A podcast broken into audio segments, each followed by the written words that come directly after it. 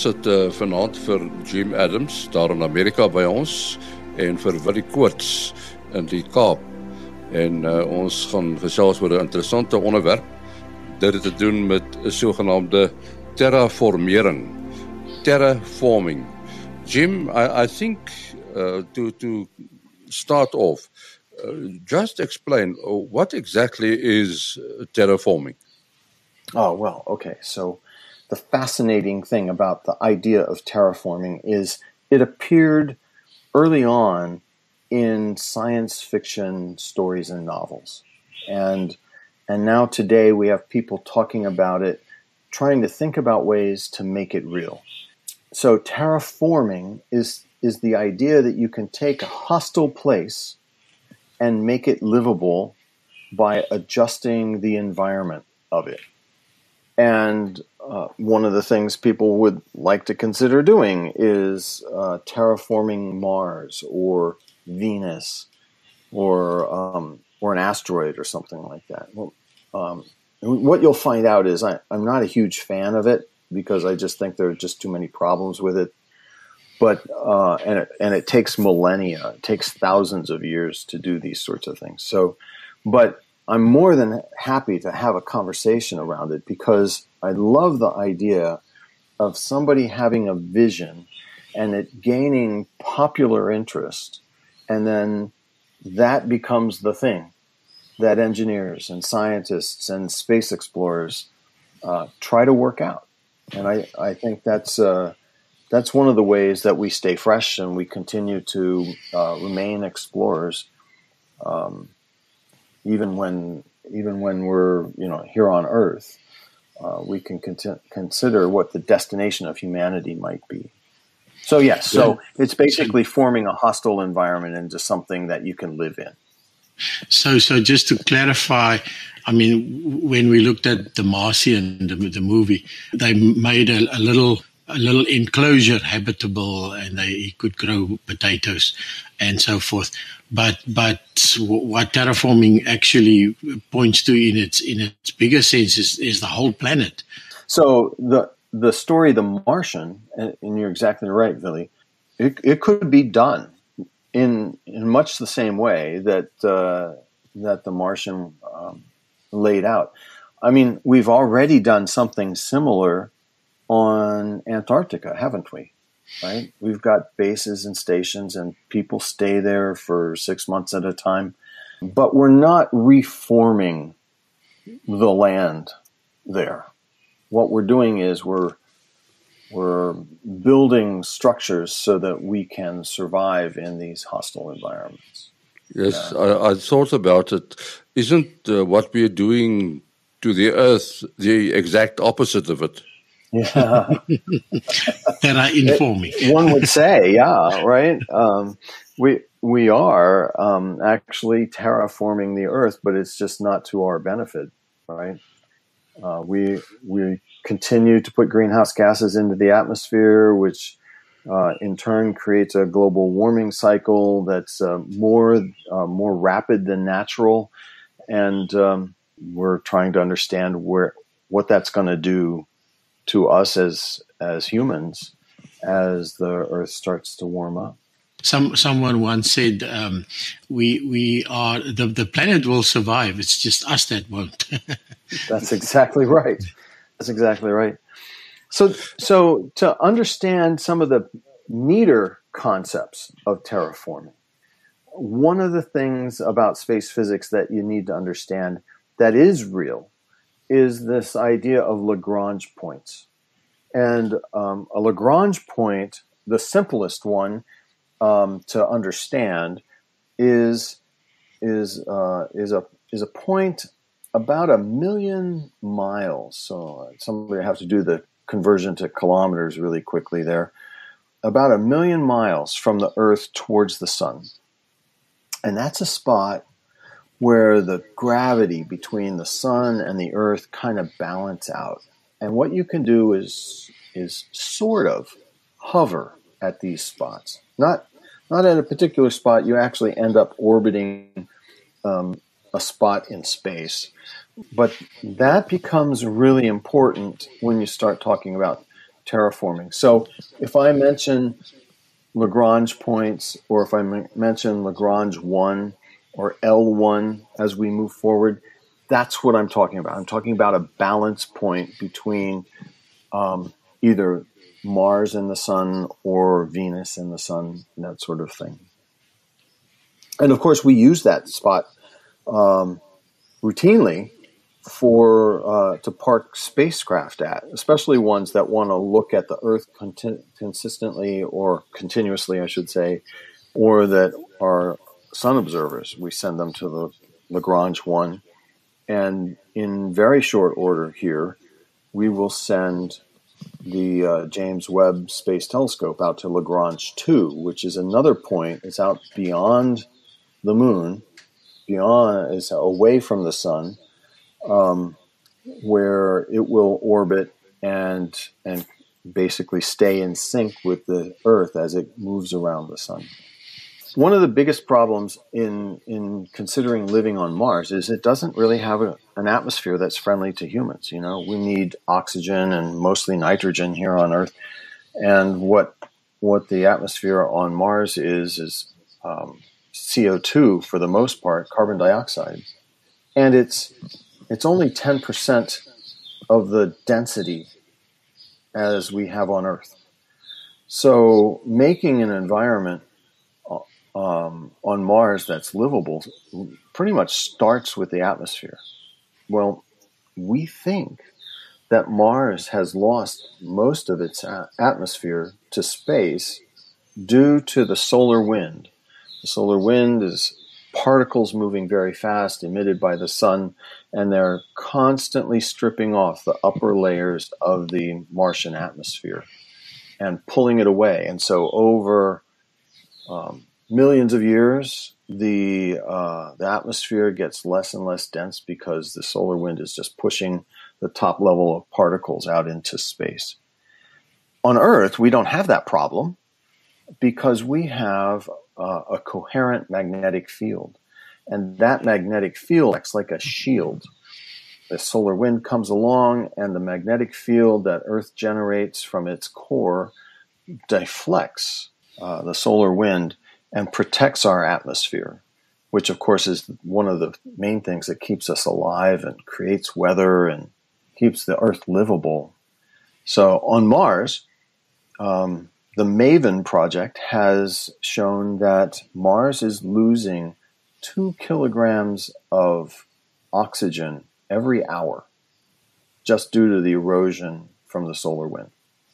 So, um, so that's a problem that would have to be solved one of the concepts is that you could go to the Mars Sun Lagrange point, L1, and put a magnetic field generator that would generate a big magnetic field and create a shield that would then deflect the solar wind away from the Martian atmosphere.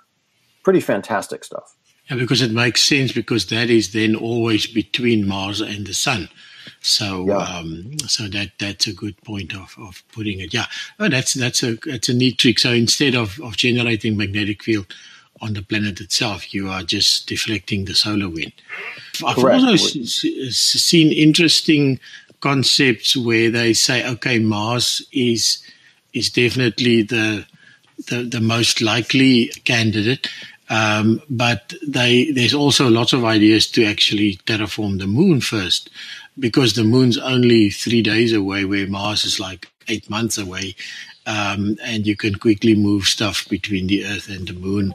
The moon is yeah. closer, gets more sunlight, um, and and so forth. So that that's also an interesting concept. But of course, for that you need water on the moon. And they were saying mm. about bombarding it with comets and stuff, and that'll change right. its its um, its spin as well which means it won't be gravitationally locked anymore. And but uh, those things are just I, I, don't know where you're going to find these comets to to get all the water to the moon, etc. Well, and we we do think that there's frozen water in these permanently shadowed craters on the moon, hmm. and so NASA recently announced a mission, a rover that would go to the moon and attempt to go down inside of one of these permanently shadowed craters. But you know, a, a spot in the solar system that has never seen the sun or doesn't see the sun for millions of years is one of the coldest spots in the solar system.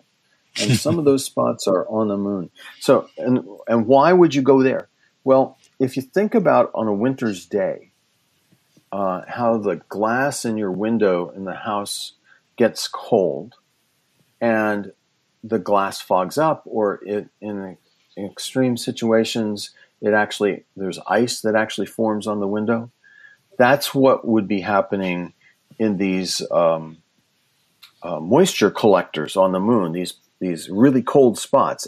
Any moisture that possibly is there, once it gets free from whatever's holding it down, would migrate towards the uh, these permanently shadowed regions. And so we think, we're pretty sure actually, that there's a lot of water ice in those craters. Um, but technologically, it becomes a challenge because it's so cold. You have to move a rover, a mining operation into that op- into that area. There's no light, and you, would have to be able to operate uh, a mining operation under um, just really extreme circumstances in order to get to the water. Uh, Jim, uh, a planet like Venus, which is surrounded by by cloud a cloud bank, uh, yeah. what is the situation there? Just the other day, I read this just sort of fantastical paper, um, and and again, these are imaginative ideas that people are trying to put like science and engineering too, but in my mind, I'm not seeing them happen anytime soon. There's one fellow that had uh, proposed the idea of building a sphere around Venus. You know, the density of the Ven- Venus atmosphere is very dense, um, and I, I'm sorry, I forget exactly what it is, but it's it's very dense compared to the Earth. In fact, you you you send a normal like um, soda can to the surface and it'll just get crushed. 90 times yeah. more dense, yeah. There we go. 90, thank you. And of course, it's very hot. It's like 500 degrees on the surface. You could melt lead. So this guy thought had this idea. Well, I'll create a buoyant point and create this sphere that I that I put that I house Venus inside of. and and then you would build your Terra on top of that uh, on top of that shell. But again, we're talking about an environment that has uh, no resources, right? We were just talking about water, but think about all the things you need uh, if you're going to set up a, um, a village, right? not only do you need water, but you need soil that's rich so you can farm. You need atmosphere, wind that blows, you know, so maybe you can make some energy. Uh, there's there's all kinds of things that you would need beyond just the water um, in order to move forward. So uh, the other idea about Venus, which is really kind of cool, and and actually people are starting to think about it towards for Earth even is to go to the Lagrange point, the L1 point between Venus and the Sun, and put in a, an enormous sunshade. So, because, you know, Venus is so very hot. But if you could cool Venus down, then maybe all of these volatile chemicals that are in her atmosphere, which includes things like um, uh, acids and uh, sulfur and, and, that sort of thing, you could maybe get those to condense and precipitate out down to the surface. So put a big sunshade at Venus, you might cool her down, and then maybe you could do something with that with that planet. Well, for global warming here on Earth, maybe you could go to the Earth Sun Lagrange point, the L1 point, and put a big sunshade there or a series of large shades to reduce the solar input so that the earth doesn't get quite so hot. but I think that the people who are building solar arrays might have a thing or two to say about that. yeah, I would say it's, it's, sort of a pie in the sky, isn't it? Yeah, yeah. These are all really, like I said, very fantastical ideas. So the idea that you you don't want to like uh, dismiss the imagination and the ingenuity that goes along with it, but just recognize that there are times when things are just pretty far out there. Uh, right. Uh, another interesting subject uh, is the, the whole concept of gravity assist. Uh, yeah. That's a technique that is used to to actually propel uh, craft uh, further into space, like the, the two Voyagers, isn't it?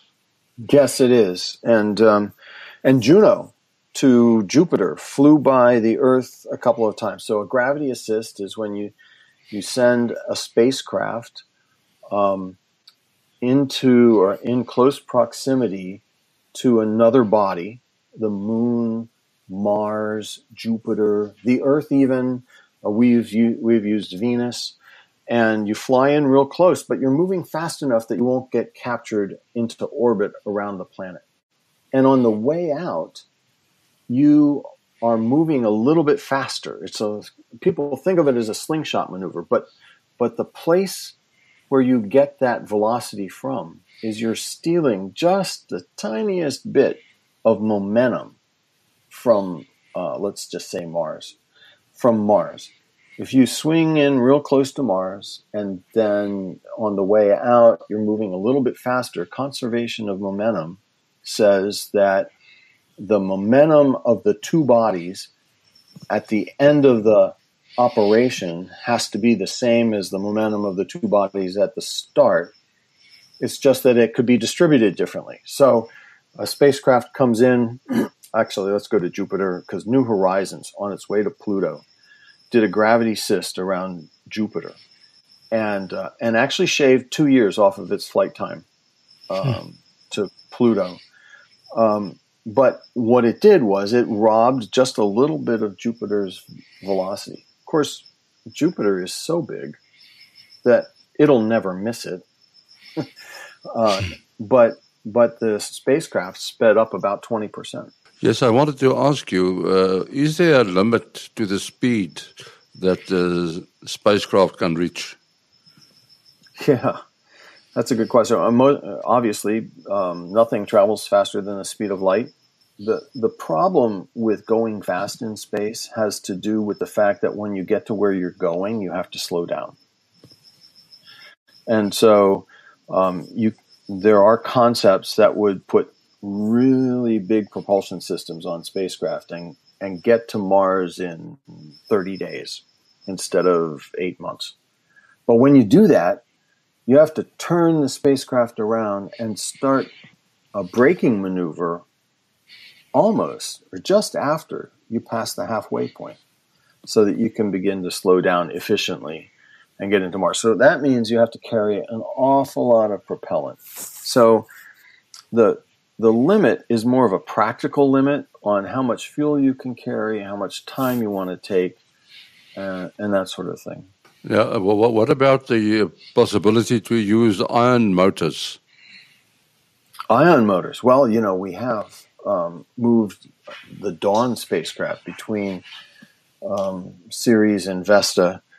Um, I always get them mixed up. So I think we went to Vesta first and then to Ceres um, using a uh, an ion propulsion system, which basically takes, um, in this particular case, it it took a noble gas xenon and heated it up and disassociated the electrons and the um, and the nuclei from the atoms and accelerated those ions through a grid, an electrical grid, and ejected them out the back of the spacecraft. And when you do that, you get a little tiny amount of thrust. It's about the amount of, of force that you would feel if you held a single sheet of L4 paper in your hand. Um, but through the power of patience, if you do that all the time, you can gain some very amazing speeds. And so um, the Dawn spacecraft did exactly that and very efficiently moved from from Earth to uh, Vesta and then on to Ceres. Um, a mission that couldn't have been done without the ion propulsion system. You can obviously directly with a normal rocket motor um, or thruster, whatever it's called, uh, probably up there, um, uh, just do a burn, so to speak, or you, or you can use this this this ion system. Um, uh, so so there, there's obviously a vast difference in the amount of fuel you use because the ion the ion thrusters uh, use very very quite a small amount of of uh, of gas, and of course they add electricity to it, which you can get for free from the sun. Um, uh, compared to a to a normal burn, which I, I think is probably more inefficient, or is that the way to look at it? Uh, yeah, when you use chemical propulsion, uh, you want to find a, or traditional chemical propulsion. You want to find the exact spot where you want to implement the change in your velocity in order to optimize your trajectory. And, and then that reduces the amount of chemical fuel that you need. When you use an ion propulsion system, especially like the xenon system on Dawn, what you do is you turn it on and you leave it on all the time. And, um, and you can get the same performance but you, you're using very little fuel at any given point in time. But just Dawn still needed to carry 450 kilograms of xenon just to be able to complete the mission. There's a, a trade off between the amount of mass you need for a chemical propulsion system and the amount of mass that you need for an ion propulsion system and and even the solar arrays for an ion propulsion system the solar arrays have to be a lot bigger. So mm-hmm. so there's there is this like it, when you consider the whole system usually uh, chemical propulsion still wins the trade-off. Unless you have some sort of challenge like we did on dawn where we were trying to squeeze the spacecraft into a small rocket and and get it to two different destinations in the solar system. And then in that case, um, the uh, the trade off uh, won the day. Um, so it's all about analyzing the system, isn't it? You know, wanting to know whether or not this is going to be the right system for this particular mission. Okay. And what about solar sails? Yeah, yeah, same deal there. You know, you can get propulsion just from the light of the sun reflecting off of a sail. Um, and also from the solar wind uh, bouncing off of the rest of the spacecraft. And in fact, while we haven't really demonstrated well solar sails yet, the solar sailing has been demonstrated. The messenger mission to Mercury actually used the, the solar wind.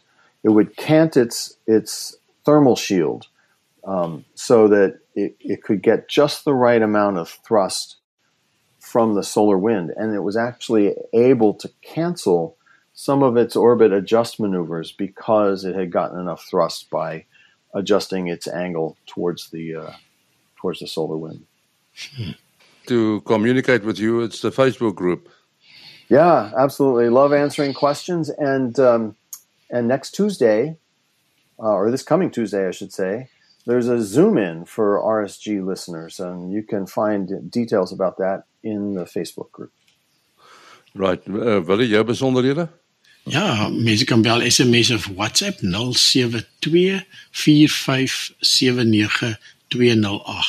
0724579208.